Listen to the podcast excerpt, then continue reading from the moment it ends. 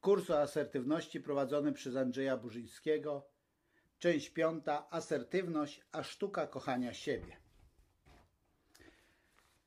Widzisz, asertywność, czyli szanowanie siebie i respektowanie swoich granic oraz szanowanie innych i respektowanie ich granic jest po pierwsze sztuką, bardziej sztuką niż nauką. Oczywiście są pewne techniki, ale bez tego takiego głębszego spojrzenia na swoje prawdziwe potrzeby i potrzeby innych ludzi, techniki zostają technikami. Oczywiście one się przydają, ale tutaj pracujemy z ludźmi, nie z robotami i algorytmami, więc potrzebujemy tej wrażliwości. Z jednej strony, a z drugiej strony asertywność jest bardzo, bardzo powiązana z tym, jak traktujemy siebie samego. Tak naprawdę ludzie, którzy ulegają innym i ludzie, którzy są przesadnie agresywni, jedni i drugi mają problem ze zdrową miłością do siebie samego. Więc chcę te, teraz trochę o tym powiedzieć, jak polubić siebie i jak być asertywnym, czyli dobrze traktować siebie samego. Mm, ktoś powiedział genialne zdanie: Nie ufam osobie, która mówi, że mnie kocha, ale nie kocha siebie. Nie ufam osobie, która mówi, że mnie kocha, ale nie kocha siebie. Tak, ponieważ taka osoba, która nie kocha siebie, ona może mówić, że kocha drugą osobę, ale po pewnym czasie relacji z tą osobą zaczynamy widzieć, że ta osoba jest albo przesadnie nadopiekuńcza, na wszystko się zgadza, yy, wszystkiemu ulega, albo jest przesadnie narzucająca, nie pozwalająca mieć swojego zdania, kontrolująca. Jak więc polubić siebie?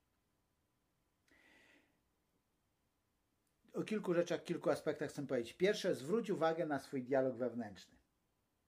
Co to jest dialog wewnętrzny? To jest właśnie to, co sobie powiedziałeś, powiedziałaś, kiedy ja powiedziałam, zwróć uwagę na dialog wewnętrzny. Jeżeli wiesz, co to jest, to ok, a jeżeli nie wiesz, to pewnie gdzieś w sobie powiedzieć, co to jest dialog wewnętrzny, jaki dialog wewnętrzny. To jest normalne. Mówimy sami do siebie. Mówimy sami do siebie. I to jest oczywiste. I to jest ważne, co do siebie mówimy. Nie wiem, czy kiedyś taki mam background, więc do niego sięgam. Nie wiem, czy kiedyś pracowałeś z dziećmi, które zostały jakoś porzucone, e, nie wiem, z domu dziecka albo z trudnych rodzin.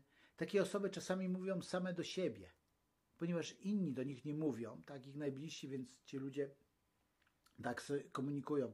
E, pamiętam chłopca, którego mieliśmy kiedyś w świetlicy środowiskowej, który coś zrobił źle, tłukł się po głowie i mówił e, głupi jesteś, co ty zrobiłeś, jak mogłeś to zrobić, to nie chodziło o schizofrenię.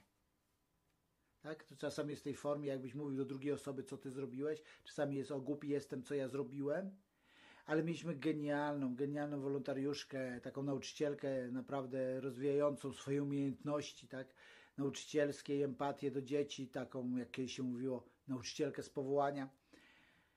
I ona uczyła dzieci, że kiedy on tak zrobi, dzieci miały mówić, każdy popełnia błąd, lubimy ciebie, i on zaczynał w pewnym momencie, kiedy zaczynał być autoagresywny, zaczynał, przerywał i mówił do siebie, lubię siebie, zrobiłem błąd, ale dalej lubię siebie. I zaczynał się uspokajać, tak? Więc ten dialog wewnętrzny, to co mówisz sobie, szczególnie w tych trudnych sytuacjach, jest bardzo ważne. To jest zresztą istotą współzależnienia, tak? Że traktujemy innych lepiej niż nas samych. To nawet powiedzmy w pewnym wymiarze, można powiedzieć, to nawet nie najgorzej, ale chodzi o to, że samych traktujemy siebie źle, a innych traktujemy dobrze. I to jest problem. Czasami, kiedy przychodziły do mnie osoby na takie indywidualne terapie związane ze współzależnieniem i mówiły coś w stylu o, dlaczego mi się to przydarza, jestem taka, wszyscy mówią, że jestem taka miłosierna, taka litościwa, że po prostu jestem taka do rady przyłóż i dlaczego to się tak przydarza? Dlaczego mój mąż się zapił? Dlaczego mój syn ćpa? No właśnie. I w pewnym momencie terapii trzeba było tym osobom powiedzieć gorzką prawdę. Gdybyś innych traktowała tak jak siebie, trafiłabyś do więzienia. Gdybyś innych traktowała tak jak siebie. Traktujesz siebie nieludzko. Pozwalałaś przez tyle lat mężowi, żeby cię źle traktował. Kiedy twój syn zaczął źle postępować, nie zwróciłaś się po pomoc, tylko jeszcze konsekwencje jego przyszedł upity, to ty po nim sprzątałaś, nie wyciągałaś konsekwencji. Oczywiście to jakby w, w terapii w pewnym momencie trzeba to powiedzieć, ale dialog wewnętrzny właśnie to jest to, że jesteśmy dla siebie bardzo ostrzy. Mówimy sobie, ale jestem durny, jak mogę tak zrobić, jestem do niczego. Zwróć uwagę, co sobie mówisz i zmień to. Jak Brian Tracy mówi, żeby kilka razy dziennie patrzeć w lustro, uśmiechać się i mówić, lubię siebie. Nie chodzi o narcyzm, ale chodzi o to, żeby bardziej siebie polubić, żeby powiedzieć, ok, popełniłem błąd, tak się zdarza, dalej lubię siebie. Ok, pomyliłem się, ale dalej lubię siebie. Żeby mieć ten szacunek do siebie. I to jest ciekawe, że angielskie słowo respect, które pochodzi od łacińskiego respectare, czyli ponownie spojrzeć, oznacza szacunek, tak, to słowo, i to łacińskie też oznacza szacunek. Ciekawe, że ponownie spojrzeć. Czasami na siebie spojrzymy i mówię, nie, to ja, ja już taki jestem, jestem głupi, znowu to zrobię. A kiedy zaczniemy do siebie mówić i spojrzymy na siebie ponownie, mówię, okej, okay, ja nie jestem statyczny na zasadzie zawsze zrobiłem taki błąd, okej, okay, teraz nie będę tego błędu robił. Będę nad tym pracował. Jestem w procesie zmian. Pamiętam taki moment, ja generalnie się nie spóźniam. I kiedy ktoś się spóźnia, to mnie raczej irytuje, chyba że jest uzasadniony powód.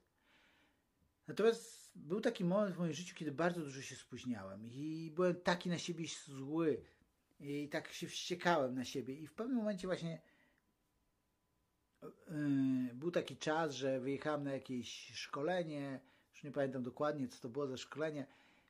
I człowiek powiedział tak, mm, dam wam teraz pół godziny tylko dla siebie.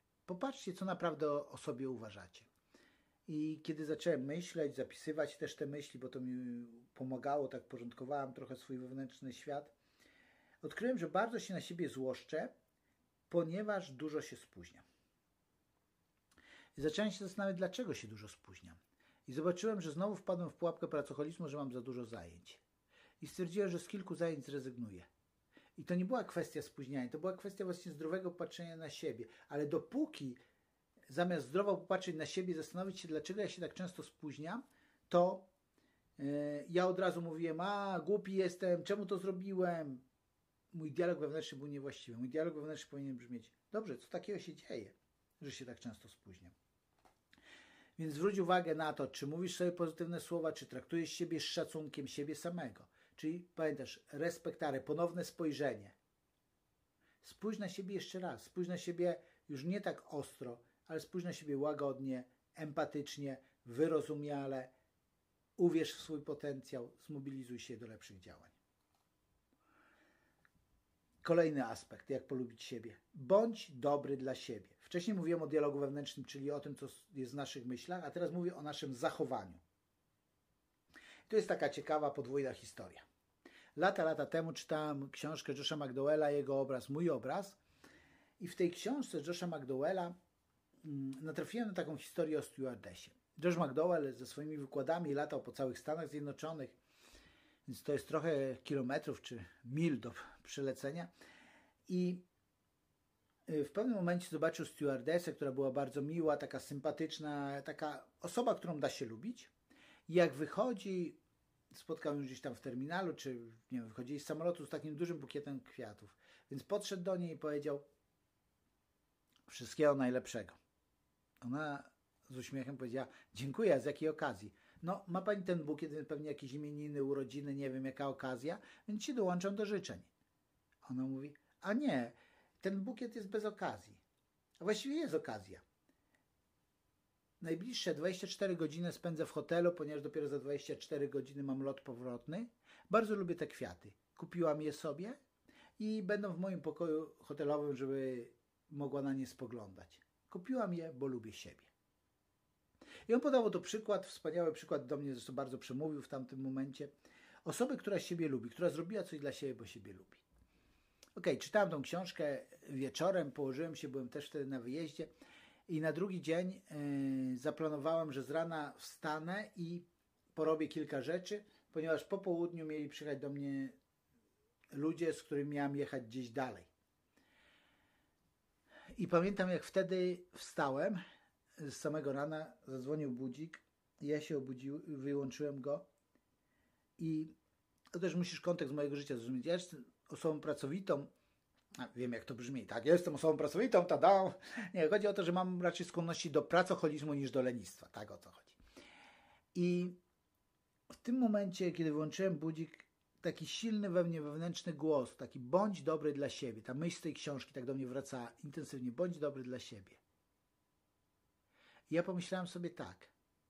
No tak, ja teraz stanę, będę przez kilka godzin pracował, potem przyjadą ci ludzie, spędzę jeszcze z nimi ten czas, który, który mamy zaplanowany razem i no tego jest za dużo. Znowu, wiem, brzmi jak mantra, znowu wziąłem na siebie za dużo. I teraz bycie domem dla siebie, tak pomyślałem sobie, czy ja te wszystkie rzeczy muszę zrobić? Przemyślałem każdą rzecz i stwierdziłem, no jedno może muszę zrobić, ale to starczy mi na nią pół godziny, a ja chciałem pracować przez najbliższe trzy godziny. Nie, pośpię jeszcze dwie godziny. Inne rzeczy mogę zrobić później, bo inne rzeczy to nie były jakieś obietnice dla innych ludzi, to było po prostu, że ja zaplanowałem sobie znowu mnóstwo spraw do zrobienia, za dużo. Mówię, dobra, przecież nie muszę tych rzeczy robić, przesunę je na później. Pospałem jeszcze dwie godziny, tamtą rzecz zrobiłem. I co było bardzo ciekawe, mm, poczułem tak wewnętrzny spokój, że kiedy ci ludzie przyjechali, to byli moi znajomi, którzy mnie znali, tam jechaliśmy na taką akcję profilaktyczną i zobaczyli mnie i powiedzieli, wow, Andrzej, nie wiem co się stało, ale wyglądasz zupełnie inaczej. A ktoś mówi, no chyba wiem co się stało, chyba wróciłeś świeżo z urlopu, że jesteś taki zrelaksowany. Ja nie wróciłem z urlopu. Ja właśnie wróciłem z trzydniowego intensywnych działań. Ale w moim zachowaniu byłem dobry dla siebie, więc bądź dobry dla siebie, tak? Traktuj siebie dobrze. Kolejna rzecz e, w asertywności, w tym, żeby polubić siebie, to jest przyjmowanie pochwał. Jest takie powiedzenie, tak? Samochwała w kącie stała. Taki wierszyk. My to wszystko znamy, uczyliśmy się tego w szkole, więc często wylaliśmy dziecko z kąpielą, ponieważ gdzieś przesiągnęliśmy myśleniem, źle jest dobrze mówić o sobie. Źle jest dobrze mówić o sobie, tak? Albo coś nam się, coś zrobiliśmy, osiągnęliśmy jakiś sukces i mówimy, a trafiło się ślepej kurze ziarno, tak? Że to taki przypadek. Albo taki zwrot, tak? A udało się. Takie odbieranie sobie sprawczości. No jakoś tak z, z plot czynników i się udało. To jest coś, czym przesiąknęliśmy bardzo mocno. I oczywiście, jeżeli jesteśmy osobami, które właśnie tak uważają, że samochwała w kącie stała, trafiło się ślepej kurze udało się, że jesteśmy tego typu osobami, to czujemy gdzieś wewnętrzny opór przed byciem takim tada, to wszystko ja, to wszystko dzięki mnie, właściwie sam się stworzyłem, sam się urodziłem, sam się nauczyłem pisać, sam się... Nie? Pamiętasz, te dwie skrajności, tak? Asertywność jest tym złotym środkiem. Więc to jest ważne, kiedy ktoś nas chwali. Kiedy ktoś nas chwali, mówimy dziękuję, to miłe, co mówisz, cieszę się, że mogłem pomóc. Pokażę trzy przykłady.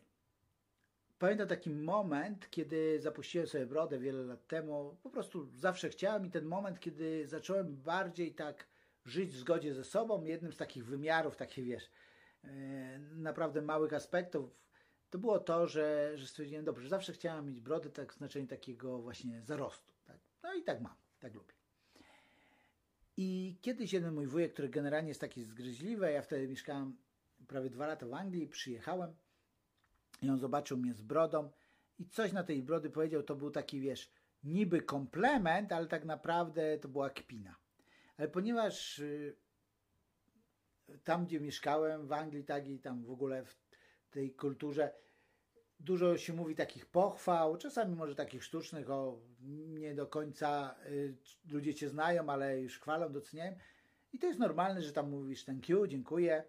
Na co mój wujek to powiedział, tak, to tam było spotkanie rodzinne y, i wszyscy tak na re moją reakcję, ja tego trochę mówię, dziękuję, cieszę się, że moja broda się podoba. I wszyscy się zaśmiali, wujek poczuł taki speszony. Dziękuj. Nawet jeżeli myślisz, że te intencje, no okej, okay, nie ocenia intencji, ktoś cię pochwalił, dziękuj. Kiedy ktoś mówi coś, co nie do końca się z tym zgadzasz, to mów, to miłe, co mówisz. Okej, okay, to jest miłe, co on mówi. Może ty nie do końca siebie tak widzisz, może nawet wspomnieć, e, bo też nie ma w tym nic złego. Mówisz, wiesz może nie do końca tak siebie widzę, ale dziękuję, to miłe, co mówisz. Często też przez to, że dużo pracuję z ludźmi, nawet ostatnio miałem taką sytuację, byli znajomi i kiedy już wyjeżdżali, on do mnie podszedł i powiedział tak, co Andrzej, pamiętasz jak byłem rok temu u Ciebie? Ja mówię, pamiętam. Wtedy powiedziałeś mi to, taką, taką rzecz, więc co, w związku z tym ja zrobiłem to i to i naprawdę to mi bardzo pomogło. Dziękuję. E, I kiedyś nie wiedziałem co mówić, tak nic nie mówiłem albo tak mówiłem, o no, no to fajnie, o tak. Teraz wiem, wypracowałem sobie takie zdanie, które mówię. Kiedy ktoś tak mówi, patrzę prosto w oczy i mówię, cieszę się, że mogłem pomóc. Cieszę się, że mogłem pomóc. Albo czasami jest tak, szczególnie tutaj jakby w mojej branży, tak, ktoś prowadził szkolenie, miał wykład i ludzie pytają, jak było. I takie zdanie, które zawsze ja czułem przed nim opór.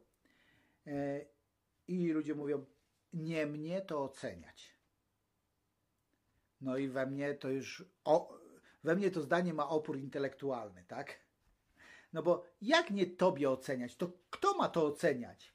Jeżeli ty poszedłeś na wykład, przygotowałeś się, no to musisz ocenić, jak ci poszło. Oczywiście twoja ocena nie jest obiektywna, jest subiektywna, to oczywiste, ale przecież pytają ciebie, no więc oczekują od ciebie odpowiedzi.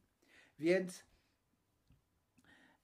ja opowiadam, ja mówię, z mojej perspektywy, tak, ostatnio prowadziłem warsztat, z mojej perspektywy jestem zadowolony.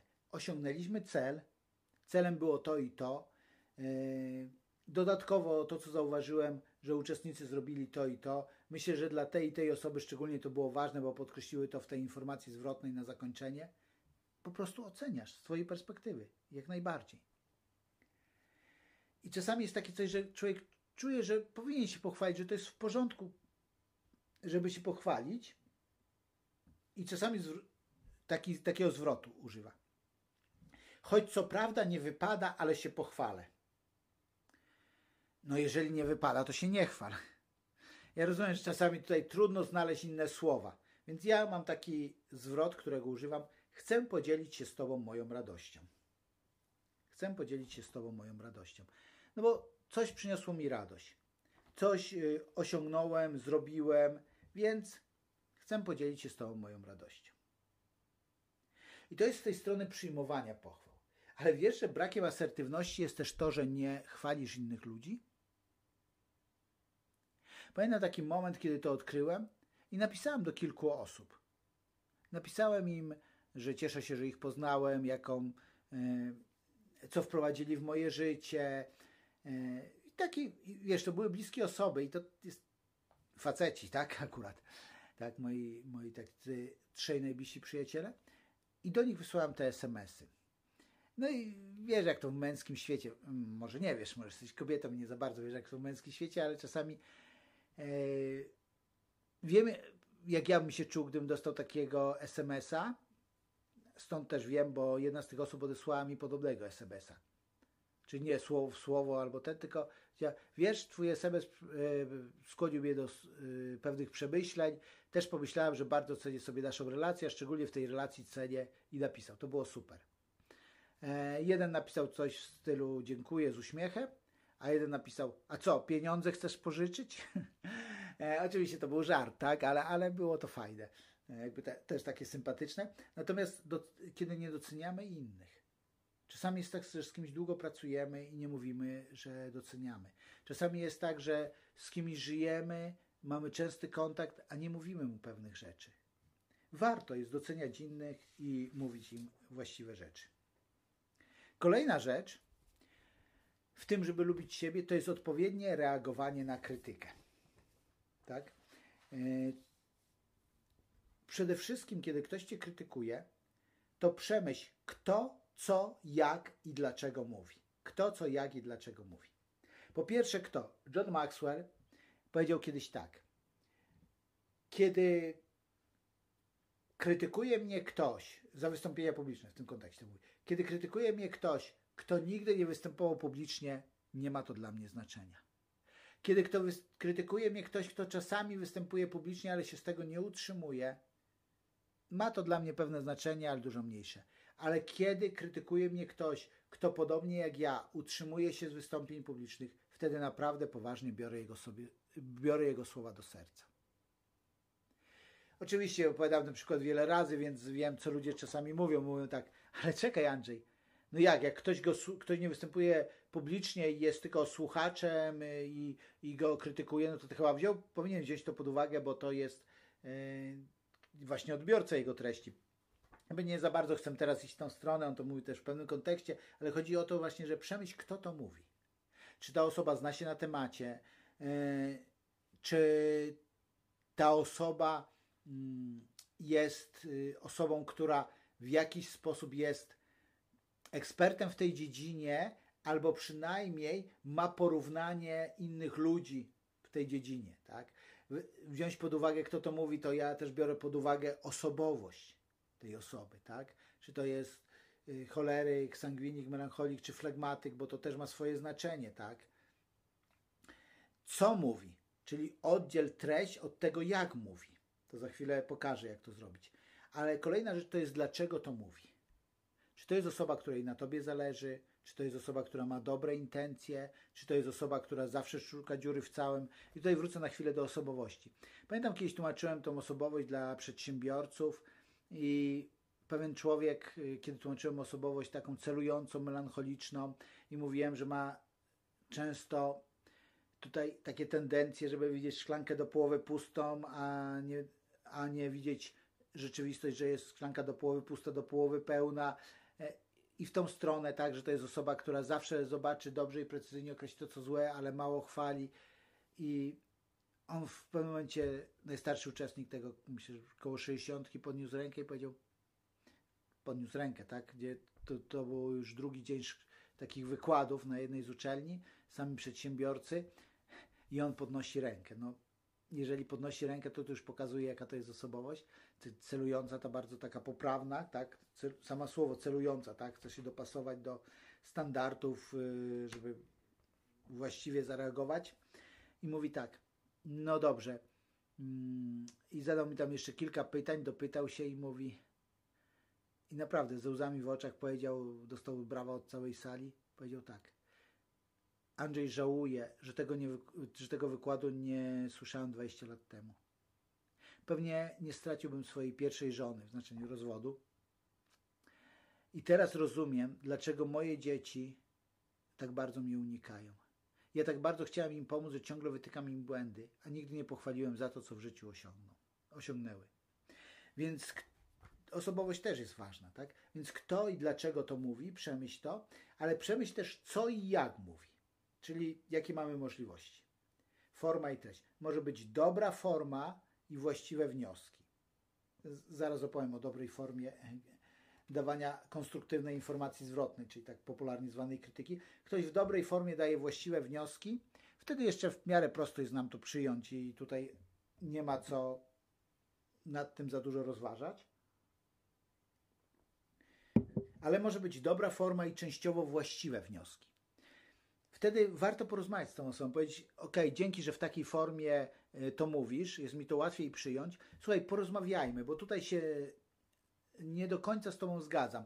Wytłumacz mi to, albo pokażę Ci z mojej perspektywy, jak ta sytuacja wygląda. Więc w pierwszej sytuacji dobra forma, właściwe wnioski, dziękujemy, zastanawiamy się. Dobra forma, częściowo właściwe wnioski, rozmawiamy z tą osobą, próbujemy znaleźć yy, zrozumieć punkt widzenia tej osoby ale może być tak, że jest dobra forma i złe wnioski, tak? Czyli forma jest fajna, ale całkowicie nie zgadza się z wnioskami. Rozmawiaj z tą osobą. Jeżeli umie to dobrze zakomunikować, rozmawiaj. Czyli za każdym razem, kiedy forma jest dobra, warto dziękować, rozmawiać, dopytywać. A co kiedy forma jest zła? Może być zła forma i właściwe wnioski. To boli. Więc ja zawsze mówię w takich sytuacjach, przemyślę to. I później, jak na spokojnie mogę to przemyśleć, to, to rozdzielam sobie formę a wnioski. Może być zła forma i częściowo złe wnioski, zła forma i złe wnioski, ale za każdym razem, kiedy zła jest forma, e, ja mówię, przemyślę to, zwrócę na to uwagę, ale jeżeli ewidentnie się nie zgadzam, czyli zła forma i złe wnioski, mówię tak. Nie mam inne zdanie na ten temat. Okej, okay, rozumiem, to jest Twoje zdanie. Nie wchodzę dalej, tak? Więc kiedy ktoś w jakikolwiek sposób zwraca Ci uwagę, krytykuje Ci, tak? Chociaż za chwilę pokażę, jak krytykować w pozytywny sposób, to są sytuacje, w których możesz podziękować, są sytuacje, w których możesz powiedzieć, że przemyślisz, są sytuacje, w których możesz powiedzieć, że się nie zgadzasz. Ale co zrobić, kiedy ktoś przekracza granicę? Warto zapytać o intencje.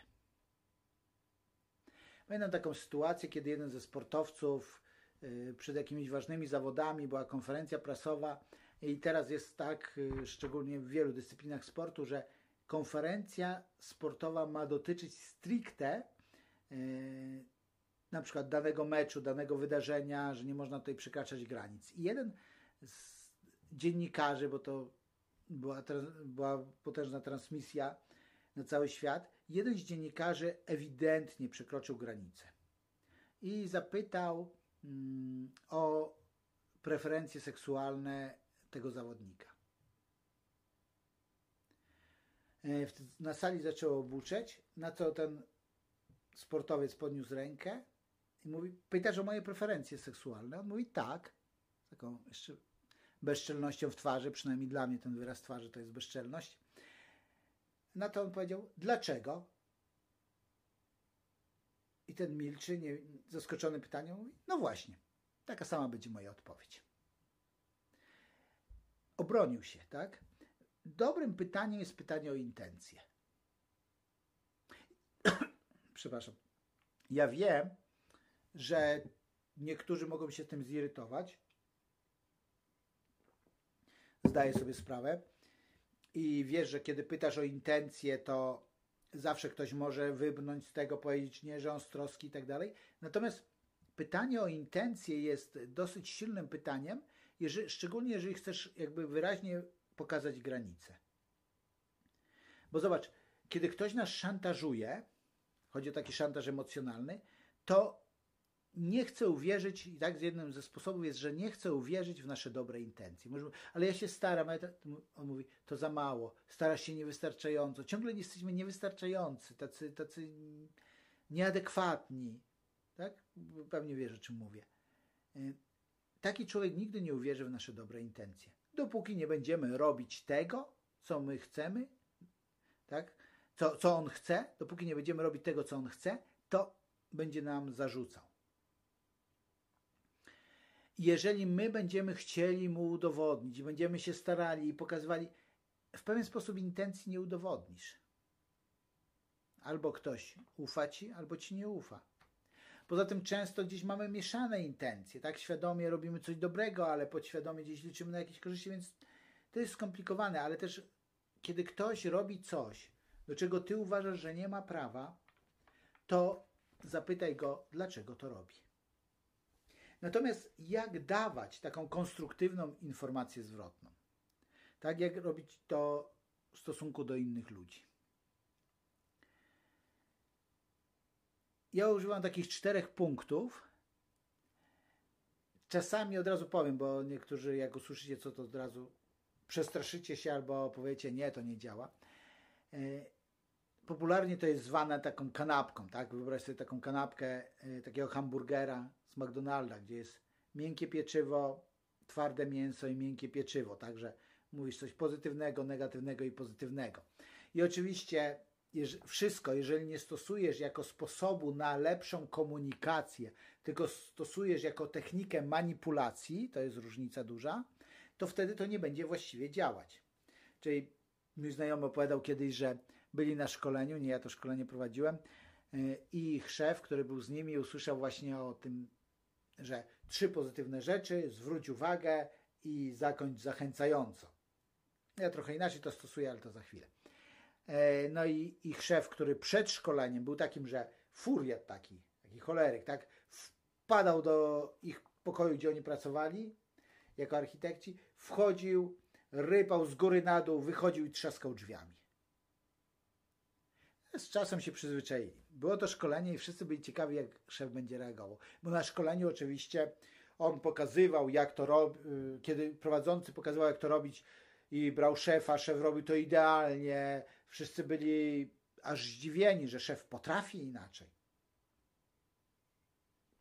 Natomiast kiedy skończyło się szkolenie, na drugi dzień czy tam kolejny dzień pracy, szef wpada, zrypał ich, trzasnął drzwiami, wyszedł, za chwilę wrócił, mówi, aha, jeszcze należą się wam te trzy pozytywne rzeczy i jakiś tam rzucił. Więc y, to zupełnie nie o to chodzi. Dla mnie to nie jest technika, to jest sposób komunikacji. Więc załóżmy, że chcę porozmawiać z kimś, wezmę przykład z relacji i przykład z biznesu. Załóżmy, że mam przyjaciela. I ten przyjaciel wyjechał za granicę. Na początku mieliśmy kontakt, częsty kontakt, potem coraz rzadszy, mm, a potem ten kontakt zaczął się zacierać. W końcu ten e, przyjaciel napisał SMS-a: Słuchaj, na wakacje będziemy, może byśmy się gdzieś razem spotkali, zeskipowaliście się, porozmawialiście się. I on mówi: Słuchaj, no ty jesteś tu w Polsce, weź załatw ośrodek, wszystko i tak dalej. E, I ty to wszystko załatwiłeś. Mm, ale on miał też e, tutaj zapłacić zaliczkę, żebyś był pewien. Ty, on nie zapłacił, jakby na czas nie zareagował, ty zapłaciłeś wszystko. Potem on mówi tydzień przed, że nie wie, czy przyjedzie, bo tam może różne sytuacje, ostatecznie przyjechał. No i możesz udawać, że jest wszystko w porządku, a możesz porozmawiać z nim szczerze. Trochę jak te trudne, ważne rozmowy, tylko, yy, tylko teraz w kontekście konstruktywnej informacji zwrotnej. Czyli dajesz szeroki kontekst i mówisz tak. Słuchaj, bardzo cenię sobie naszą relację. Znamy się już 15 lat. Niewielu mam ludzi, z którymi znam się tyle czasu. Oczywiście, może inaczej. Kilku ludzi jest, z którymi znam się tyle czasu, ale tylko z Tobą mam taką bliską relację. Bardzo zależy mi na tej relacji. Wiesz to, co zawdzięczam tej relacji, wymień, co zawdzięczasz tej osobie. Możesz opowiedzieć o jakichś konkretnych wydarzeniach. Powiedz, bardzo lubię z Tobą spędzać czas i cieszę się, że jako rodzina, jako rodziny, tak, mając już żony, mając dzieci, możemy razem spędzać czas. Czyli dajesz szeroki kontekst. Potem opisujesz zachowanie i dlaczego jest niewłaściwe. Czyli mówisz tak, wiesz co, jednak zauważyłem taką rzecz. Wiem, że wyjechałeś, że byłeś w nowym środowisku, więc na początku ja inicjowałam zawsze nasze rozmowy skype'owe, ale zauważyłem, naprawdę sprawdziłem to, bo Skype na to pozwala, że to zawsze ja inicjowałem te rozmowy. Że to ja pisałem do ciebie, kiedy rozmawiamy, że to ja pamiętałem, żeby zadzwonić, że były sytuacje, kiedy yy, ty nie, za, yy, kiedy ja dzwoniłem, bo byliśmy mówieni, a ty zapomniałeś. I teraz załóżmy, że ta, ta osoba się wyrywa i mówi, no ale była też taka sytuacja, kiedy pamiętasz, prosiłeś, żeby... Więc na początku warto się umówić i mówić, słuchaj, dopóki nie skończę, y, potem będzie przestrzeń dla ciebie, ale chciałbym, żeby skończyć. ok? I teraz mówisz tak, więc to zachowanie mnie zraniło. Zraniło mnie to, bo zobaczyłem, że tak się poczułem przynajmniej, jak gdybyś tobie już nie zależało na tej relacji. I później tak samo byłoby mi bardzo miło, kiedy zaproponowałeś, żebyśmy wspólnie wyjechali. Wiesz, nawet nie było dla mnie problemem to, że to ja mam e, zarezerwować te, rzecz, te miejsce. Więc nawet nie było problemem to, że ja zapłaciłem, bo wiem, że zwrócisz mi pieniądze. E, I nawet nie było problemem to, że mm, ty, e, że te pieniądze będą dopiero później, że muszę włożyć swoje oszczędności. To wszystko nie było problemem. Wiesz, ale kiedy napisałeś mi tydzień przed, że być może nie przyjedziecie, no i on teraz załóżmy znowu się wyrywa i mówi tak, e, no wiesz, ale e, przecież bym ci pieniądze oddał. Mówi, tak, tak, to nie chodzi o pieniądze. Ale pozwól, że ja skończę. To zrobiło mi się przykro. Naprawdę przykro. Że jednak być może już ta relacja dla ciebie tyle nie znaczy. Więc chcę ci powiedzieć, jak w takiej sytuacji chciałbym, żebyś się zachował na przyszłość. Że jeżeli zauważysz, że tylko ja wychodzę z inicjatywą, żebyś też sam z nią wyszedł. Że jeżeli umawiamy się, że prześlesz pieniądze, a nie prześlesz na czas, żebyś mi wytłumaczył, dlaczego to zrobiłeś. Że jeżeli mówisz, no jest, wysyłasz mi SMS-a, że jest trudna sytuacja i że być może nie przyjedziecie, na ten wyjazd nasz wspólny, to wolałbym, żebyś mi napisał parę słów albo zadzwonił i wytłumaczył o co chodzi. Chcę zrozumieć, co się za tym kryje. Chcę widzieć, więc dwie rzeczy. Chcę widzieć, że też ty wychodzisz z inicjatywą i do mnie dzwonisz. i się komunikujesz. A druga rzecz, kiedy nie dotrzymujesz warunków umowy, chcę, żebyś mi to wytłumaczył. Żebyś mi powiedział, co się za tym kryje. Ok, to ja tyle z mojej strony. Chcę wysłuchać Ciebie, no i tu jest miejsce, żeby wysłuchać Jego.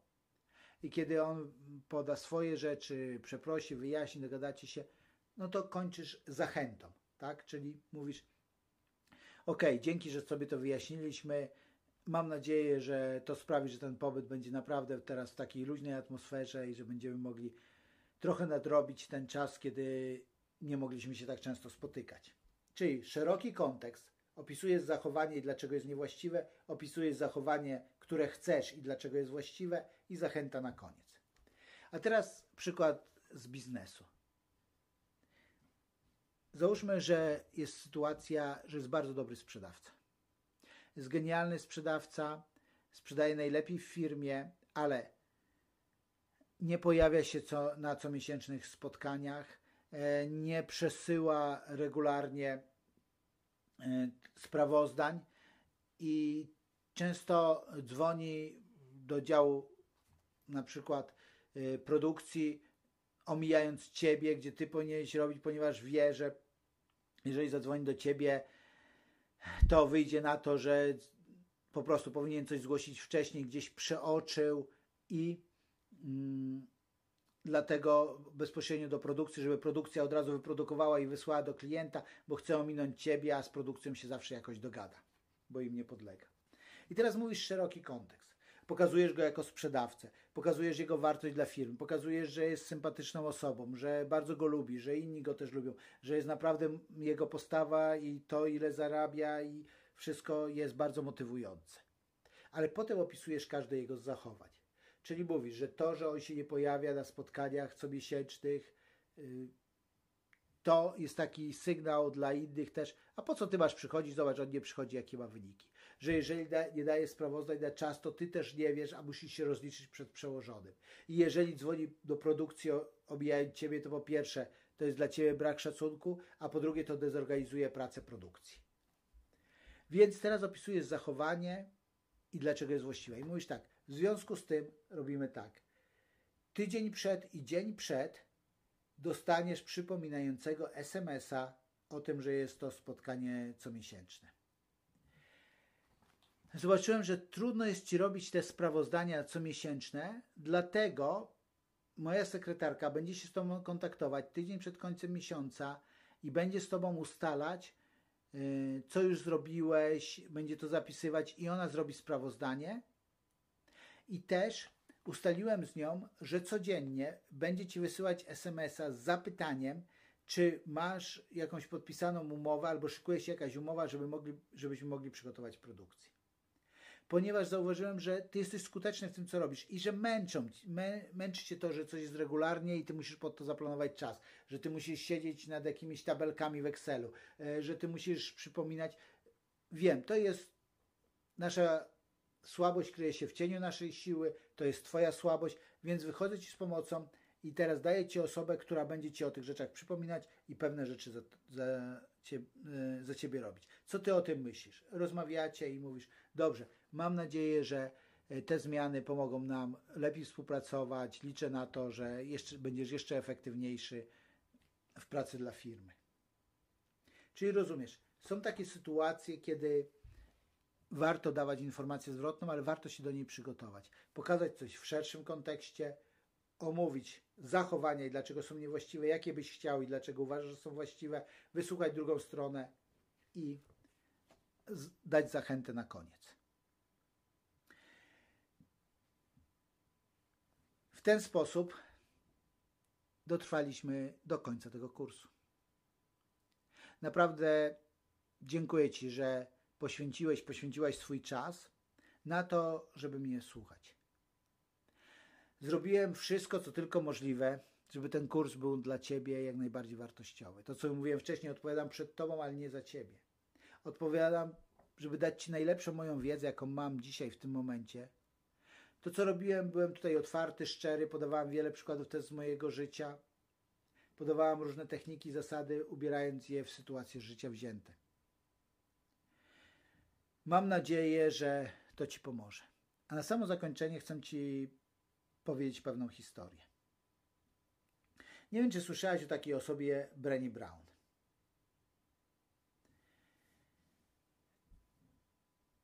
To jest osoba, która na portalu TED, to jest taki portal, który za darmo rozprzestrzenia różne ciekawe idee, czyli zapraszają ekspertów w jakichś dziedzinach, którzy mają maksymalnie 18 minut, żeby się czymś podzielić. Więc Brenny Brown była takim typem naukowca, researchera, który zajmował się takim tematem jak wrażliwość. I ją zaproszono na taki wykład. Ona raczej osobą jest introwertyczną, woli pracować z danymi, z, przeszukiwać, y, robić różne badania, przeszukiwać różne materiały naukowe, publikować, niż być takim gwiazdorem, frontmanem. Przynajmniej tak było do 3 stycznia 2011 roku. Ponieważ 3 stycznia 2011 roku wcześniej wygłoszony, ale tego dnia opublikowany na YouTubie jej wykład na temat wrażliwości stał się mega hitem. Na dzień dzisiejszy, kiedy nagrywam tą audycję, ponad 11 milionów ludzi obejrzało to nagranie. Stała się bardzo rozpoznawalna. Dzisiaj jest zapraszana w wiele miejsc.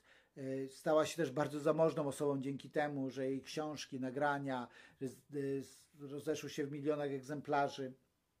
Ja sam zetknąłem się z nią nie bezpośrednio, tylko w ten sposób, że kiedyś w Londynie prowadziłem szkolenie z jednym z najbogatszych wtedy Polaków, 20 na liście Forbesa, Krzysztofem Jędrzejewskim, wtedy właścicielem Kopeksu i ktoś go zapytał na koniec, jakie książki by polecił i on polecił różne książki biznesowe, a powiedział, a poza biznesowymi poleciłbym z wielką odwagą Brenny Brown. Zdziwiłem się, te książki biznesowe znałem, czytałem, ale sięgnąłem do tej książki, przeczytałem i pomyślałem, wow, to jest świetna książka dla mnie, dla mojej żony, niesamowite wskazówki pewnie dla wielu milionów ludzi na świecie. Ale Brenny Brown opowiada, że kiedy to stało się hitem internetu i wszyscy jej gratulowali, stała się taka rozpoznawalna, na początku czuła się w tym nieswojo, tak? I Brenny Brown mówi, że no tak czuła się bardzo nieswojo, tak y, wszyscy, całość taka rozpoznawalna, znana. I wśród tych wszystkich pochwał, wszyscy mówili pozytywnie, pokazywali ją na ulicy, byli zachwyceni. Jej mąż i jej psycholożka, tak, do której chodziła, powiedzieli jedno: Breni, proszę cię, nie czytaj y, tego komentarzy pod y, tym filmikiem. Więc mówi, kiedy tylko mąż poszedł do pracy, a ona miała dzień wolny, co zrobiła? Odpaliła i zaczęła czytać komentarze.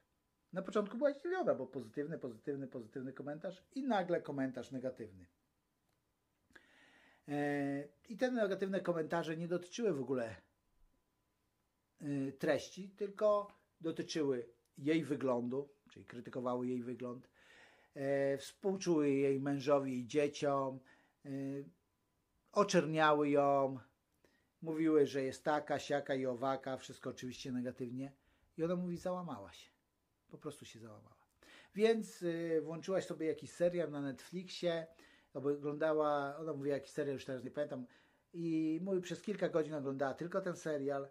Y, po kilku godzinach oglądania tego serialu pomyślała sobie, nie, nie, nie jestem gotowa do tego, żeby żyć. Ona to mówi z niesamowitym poczuciem humoru. Jestem gotowa do tego, żeby żyć i zaczęła sprawdzać jakiś, y, jeszcze o tym serialu coś, o aktorach i stwierdziła, a ciekawe, kto był prezydentem wtedy i zobaczyła, że ten serial był nagrywany w czasach, kiedy prezydentem był Roosevelt.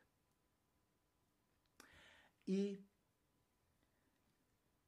zaczęła szukać coś o Roosevelcie i kiedy zaczęła szukać o Roosevelcie, to zobaczyła taki cytat, w którym Roosevelt powiedział w następujący sposób. Nie krytyk się liczy, nie człowiek, który wskazuje, jak potykają się silni, albo co inni mogliby zrobić lepiej. Chwała należy się człowiekowi na arenie, którego twarz jest umazana błotem, potem i krwią, który dzielnie walczy, który wie, co to wielki entuzjazm, wielkie poświęcenie, który ściera się w słusznych sprawach, który w swych najlepszych chwilach poznał triumf wielkiego wyczynu, a w najgorszych, gdy przegrywa, to przynajmniej przegrywa z odwagą, nie chcąc, aby jego miejsce było wśród chłodnych, nieśmiałych dusz, które nigdy nie poznały ani smaku zwycięstwa, ani smaku porażki. I ona mówi, ten cytat był dla niej uzdrawiający. Czytała go i płakała. Czytała go kilka razy i płakała. Kiedy wrócił mąż i zobaczył ją zapłakaną, mówi, czytałaś komentarze. Ona mówi, czytałam coś więcej niż komentarze. Mówi, ten cytat był dla niej terapeutyczny. Czytała go kilka razy dziennie, a mówi, że nawet czasami ma wrażenie, że kilkanaście razy dziennie, aż przesiągnią, aż mogła go mówić z pamięci, te słowa na nim działały uzdrawiająco.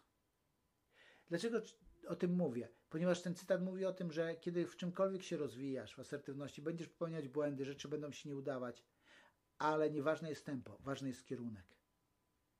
W pewnym momencie zaskoczysz, tak jak z nauką. Ja długo nie umiałam poprawnie przeczytać, byłem osobą, która w klasie najpóźniej nauczyła się czytać. Ale kiedy zaskoczyłem, do dzisiaj czytam bardzo dużo. Więc nie załamuj się, kiedyś zaskoczysz. A ostatnią z rzeczy, Brené Brown powiedziała takie zdanie, które na nowo zdefiniowało mi miłość. Ona powiedziała: Miłość to gotowość do pokazania się. Po to uczymy się asertywności, żeby ochronić nasze wrażliwe miejsce w nas. I żeby ci, którzy zasługują na naszą miłość, na pełnię naszej miłości, zobaczyli nas takie, jakimi jesteśmy, bo w ten sposób będą nas mogli pokochać takimi, jakimi jesteśmy, a też dostaną pełnię naszej miłości, ponieważ my będziemy ich kochać takimi, jakimi naprawdę jesteśmy. I tego z serca Ci życzę. Dziękuję bardzo za wysłuchanie tego kursu. Pozdrawiam serdecznie. Andrzej Burzyński.